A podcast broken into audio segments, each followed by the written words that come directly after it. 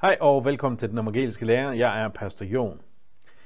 I dag skal vi se på, øh, hvorfor jeg er luthersk og ikke romersk katolsk. Derfor er jeg luthersk og ikke romersk katolsk. Det er overskriften for, for dagens video. Jeg har allerede lavet en, en smule video, eller lidt video omkring øh, forskellen på katolsk og og luthersk lærer, og øh, I kan prøve at se de videoer, så, så ser jeg også lidt, af det andet, jeg har sagt om det. Men her vil jeg bare nævne nogle få punkter, hvorfor jeg ikke er katolsk, men luthersk. Øh, der kunne sikkert nævnes mange andre årsager. For eksempel ville situationen muligvis have været anderledes, hvis jeg er opvokset i en katolsk familie. Det ved jeg faktisk ikke. Uh, måske ville det have været anderledes, hvis jeg kom fra et land, som var overordnet katolsk. Det ved jeg ikke. Jeg ved ikke, hvordan det ville være. Men hvis jeg Øh, øh, som skal vurdere og se fra mine nuværende øjne, så tror jeg aldrig, jeg vil kunne være katolsk, fordi jeg mener ikke, at den katolske lærer øh, repræsenterer skriftens lærer. Det er sådan min holdning til det. Øh, hvis du øh, følger med her og, og ser med, så det det godt være, at du kommer til en anden konklusion, og hvis du selv er katolik, så er du selvfølgelig uenig. Hvis ikke, så, så vil jeg råde dig til at melde dig ud af den katolske kirke og øh, ja, komme hjem. Sådan kan I finde på at sige det, ikke også?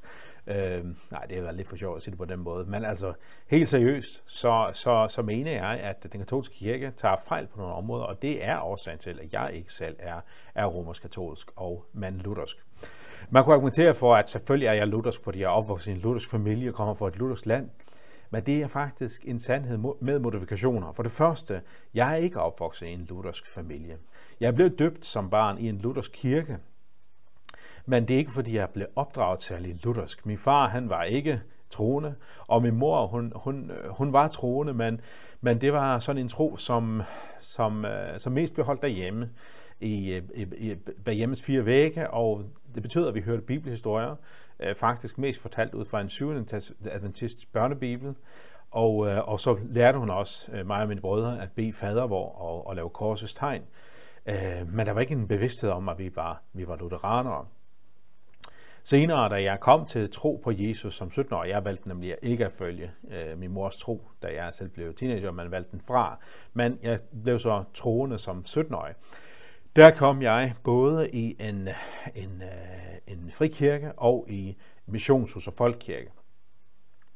Øh, begge steder oplever jeg en stor kærlighed til skriften, og et eller andet sted vil det være mest nærliggende for mig at ende hos Plyverbrødrene, fordi de fleste af mine venner kom derfra, altså i den der baptistiske frikirke. Men jeg endte ved det lutherske, og det gjorde jeg faktisk på basis af, at jeg vurderede, øh, så vidt jeg kunne se det, at den lutherske lærer var den, der var tættest på, på Bibelens lærer. Det var bare en lang forklaring til at sige, at, øh, at jeg er lutheraner, og det er jeg på grund af læren.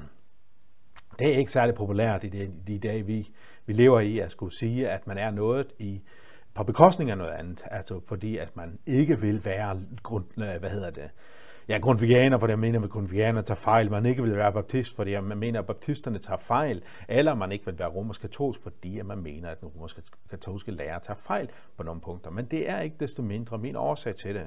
Jeg kan ikke sige det anderledes. Jeg er ikke romersk katolsk, fordi jeg mener, at de tager fejl, og jeg er luthersk, fordi jeg mener, at den lutherske lærer er den bibelske lærer. Okay, lad os så komme til det. Der er fem punkter, jeg har lyst til at tage frem igen. Der kunne sikkert have været sagt andre ting, men jeg har valgt at fokusere på de her fem punkter omkring, omkring øh, hvorfor jeg ikke er romersk-katolsk. Det første, det handler om den åndelige autoritet. Hvad er det, som definerer den sande kristne lærer? Hvad er det, som fortæller os, hvad der er rigtigt og forkert? Både den lutherske og den katolske øh, kirke har skriften som fundament. Bibelen er det sande Guds ord til mennesker til alle tider. Det er både øh, katolsk og luthersk lære. Selvom der findes katolikker, som mener noget andet, og selvom der findes lutheranere, som mener noget andet, så er det øh, basislæren. Men der er en afgørende forskel. Det er, at for katolikkerne, der er det ikke kun skriften, som er den autoritative åndelige autoritet. Øh, der er det også, der taler man også om den mundtlige overlevering, det som bliver traditionen, altså noget, som kirken har fået overleveret, som er ud over skriften. Øh, de kan for eksempel finde, øh, finde på at formulere det sådan her. Det er fra den katolske kirkes katekismus. Denne levende videreførelse, der sker i Helligånden, kaldes traditionen, for så vidt den er forskellig fra den hellige skrift, med hvilken den dog er nært forbundet. Alt, hvad kirken selv er, alt, hvad den tror, fører den således videre i sin lære, i sit liv og i sin gudstjeneste og overleverer det til alle slægtsled. Kirkefædrenes udsagn er et vidnesbyrd om det livgivende nærvær af denne tradition, hvis rigdomme gennemstrømmer den troende og bedende kirkes gerning og liv. Og videre, det som kirken har fået betroet til apostlene, har disse både mundtligt og skriftligt under Helligåndens inspiration overleveret til alle generationer indtil Kristi genkomst i herlighed.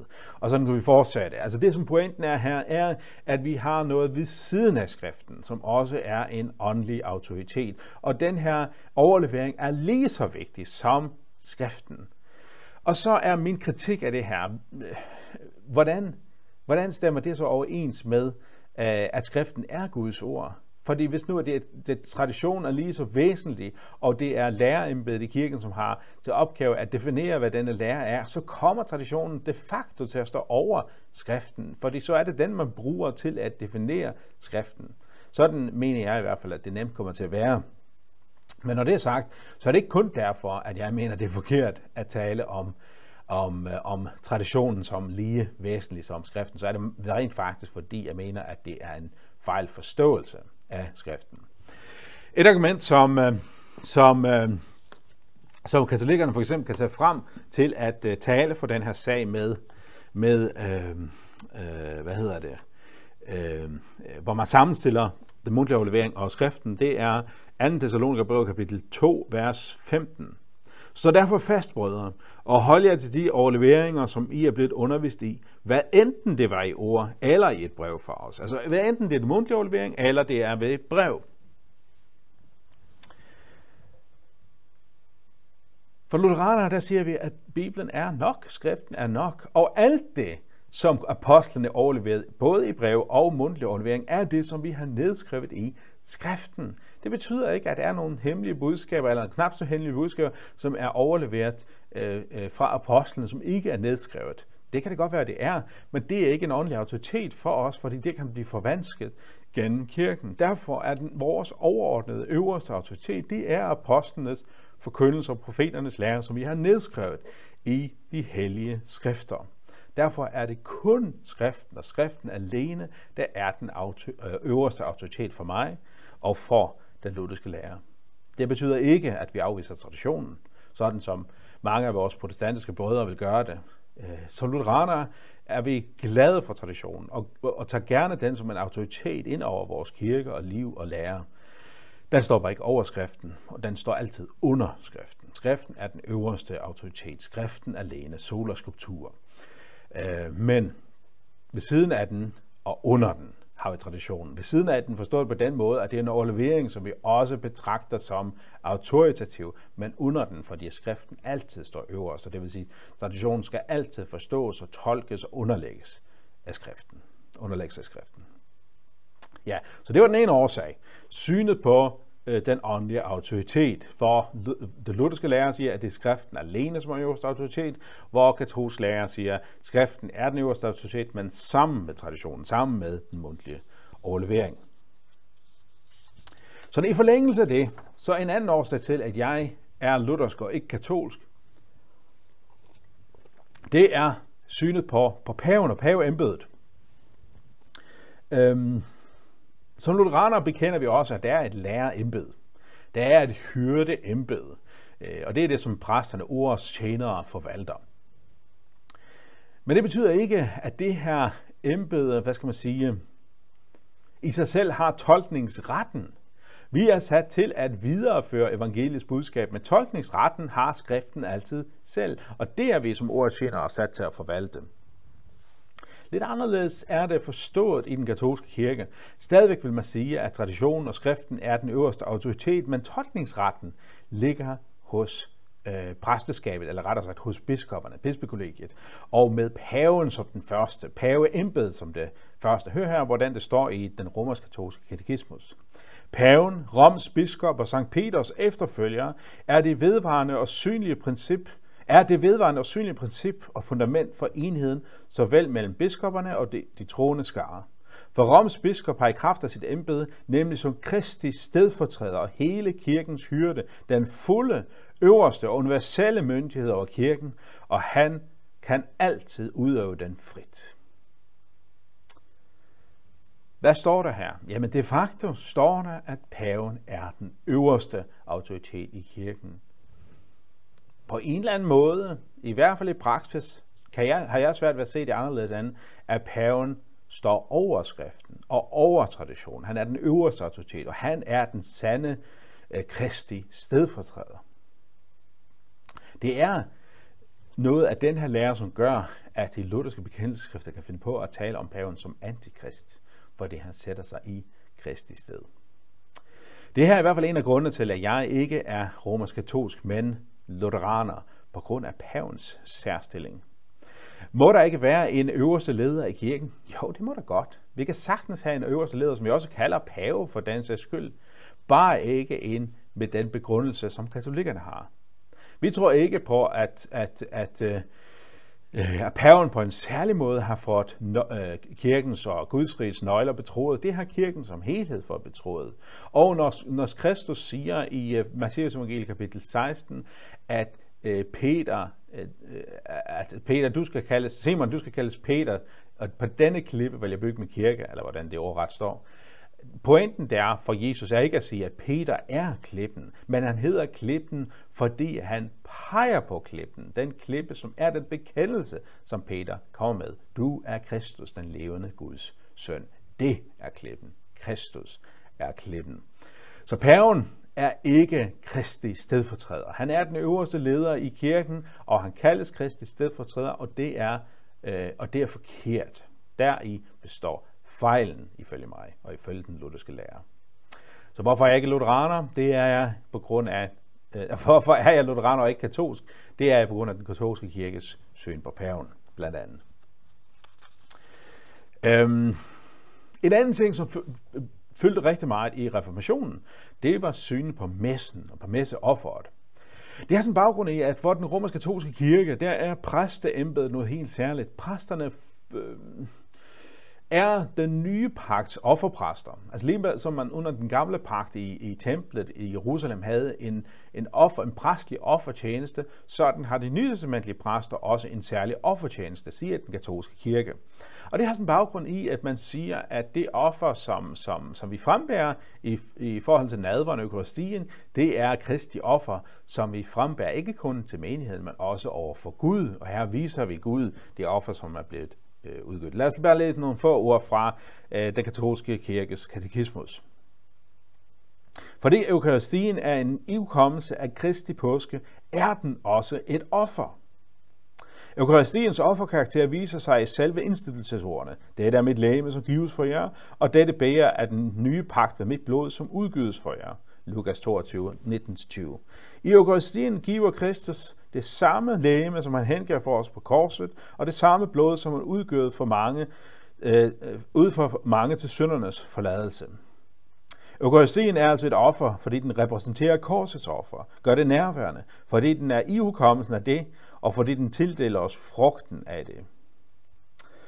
Øh, for det hans Jesu her, dog ikke udslukkes efter hans død, øh, efterlod han ved det sidste påskemåltid, den nat, da han blev forrådt, til kirken sin elskede brud, et som menneskenaturen kræver det synligt offer, hvorved det blodige offer, som skulle, skulle fuldbyrdes en gang for alle på korset, skulle repræsenteret og mindes om det vedvarende om det vedvarer indtil tidernes ende, og dets frelsesindbringende kraft at placeres på de synder, vi dagligt begår.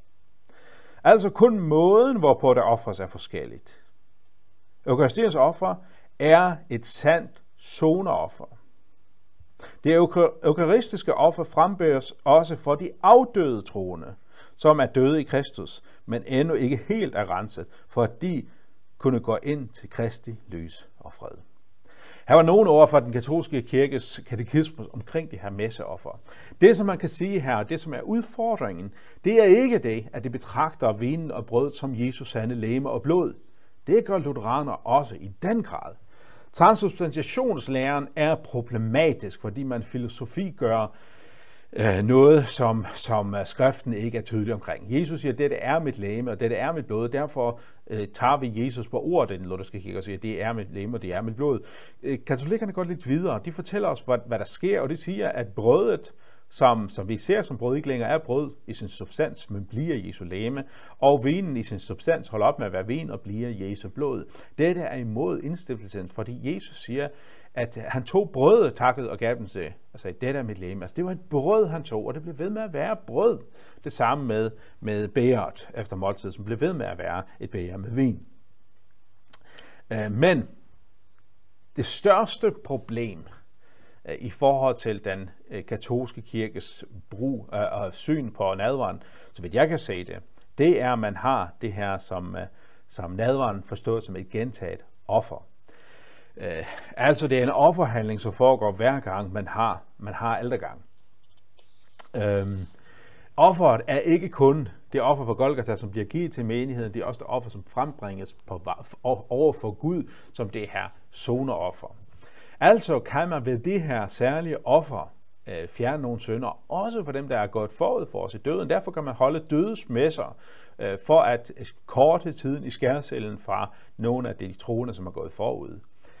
Øh, det her er en fuldstændig forfejlet øh, øh, teologi vedrørende øh, den hellige nadver.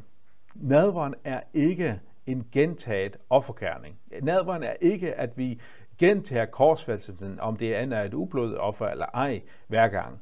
Nej, hvad er nadveren? Nadveren er det offer, som blev givet for os en gang for alle på Golgata, og den er en påmindelse af Kristi død. Det vil sige, når vi spiser Jesu lem og blod, som vi får rægt i nadveren, så er det en tilgivelse for os. Det styrker os i troen. Det er noget middel. Vi får del i hans nåde.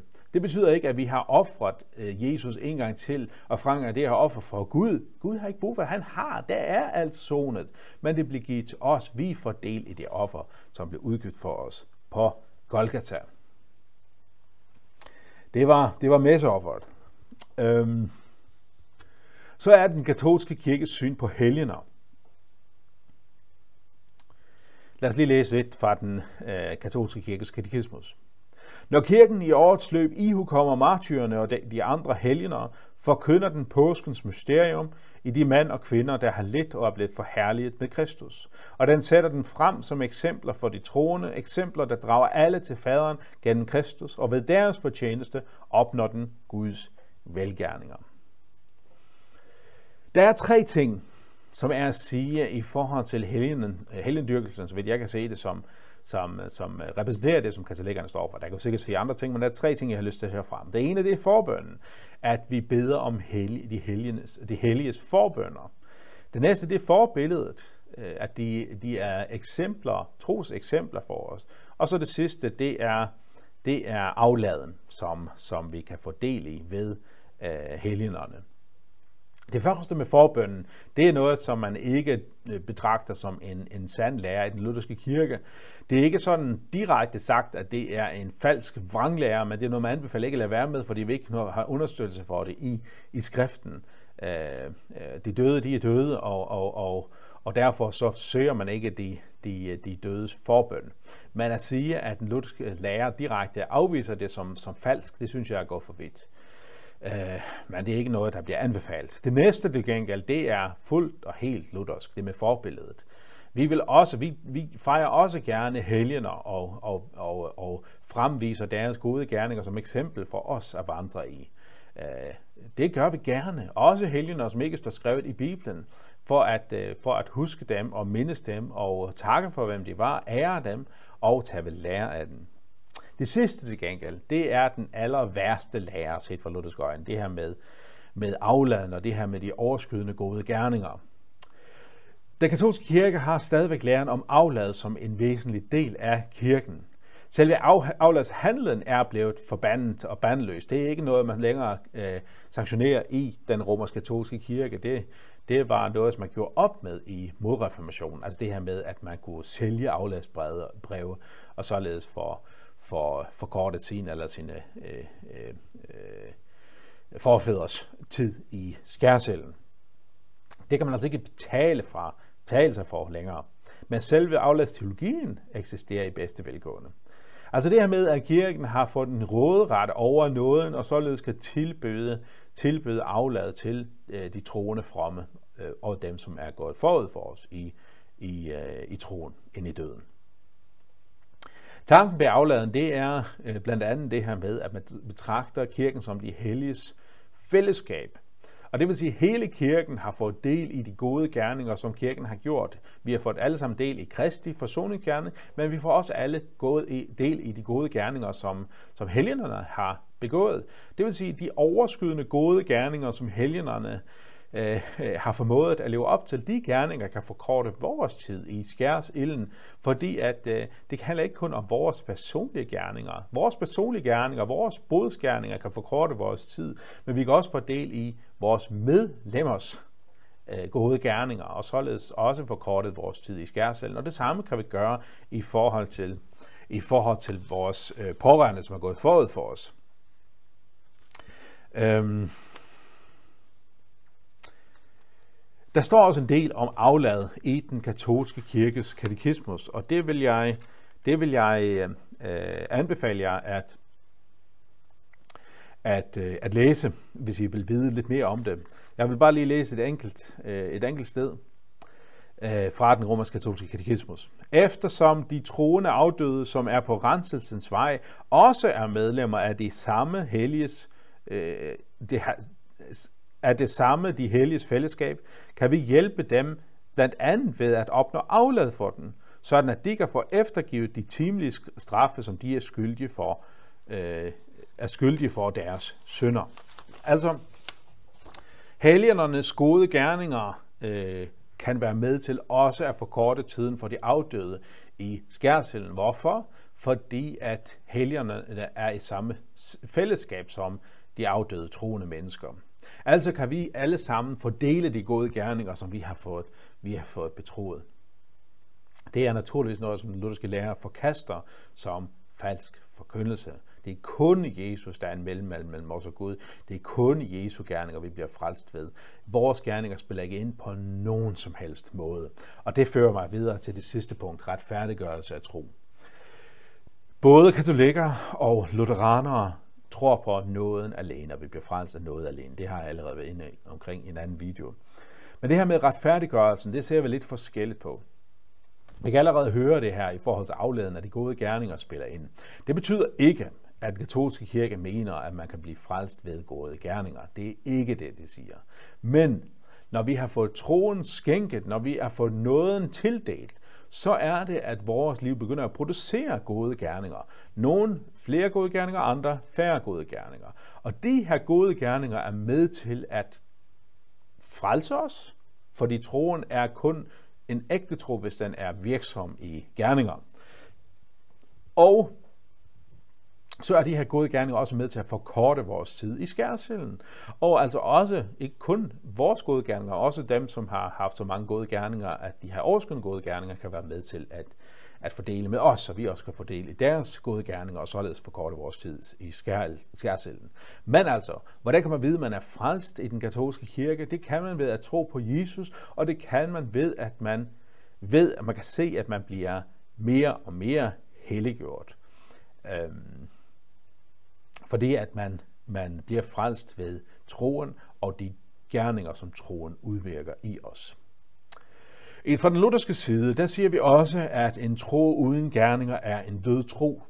Vi tror også på, at troen altid er virksom. Vi mener bare ikke, at vi kan se på troen og derved finde ud af, om vi er frelst eller ej. Den eneste, den eneste måde, vi kan vide, at vi er frelst på, det er at se på Jesus.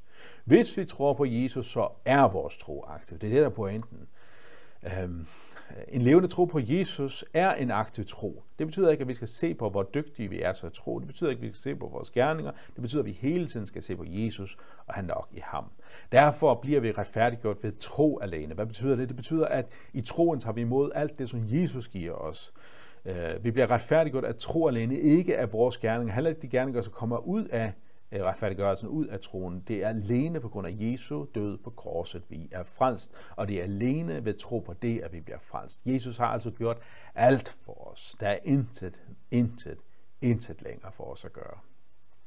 Det var nogle af årsager til, at jeg er luthersk og ikke romersk katolsk. Jeg håber også, at det her kan dig en refleksion til at, øh, til at tænke over, hvorfor du er luthersk og ikke katolsk. Og hvis du ikke er luthersk, måske, måske gav det dig en lille smule øh, lyst til at undersøge den lutherske lære mere, Og måske var der også en, en, en anledning til at vurdere din egen øh, uh, troslærer øh, og se, øh, hvordan stemmer den overens med skriften. Tak for nu, og Gud velsigne dig.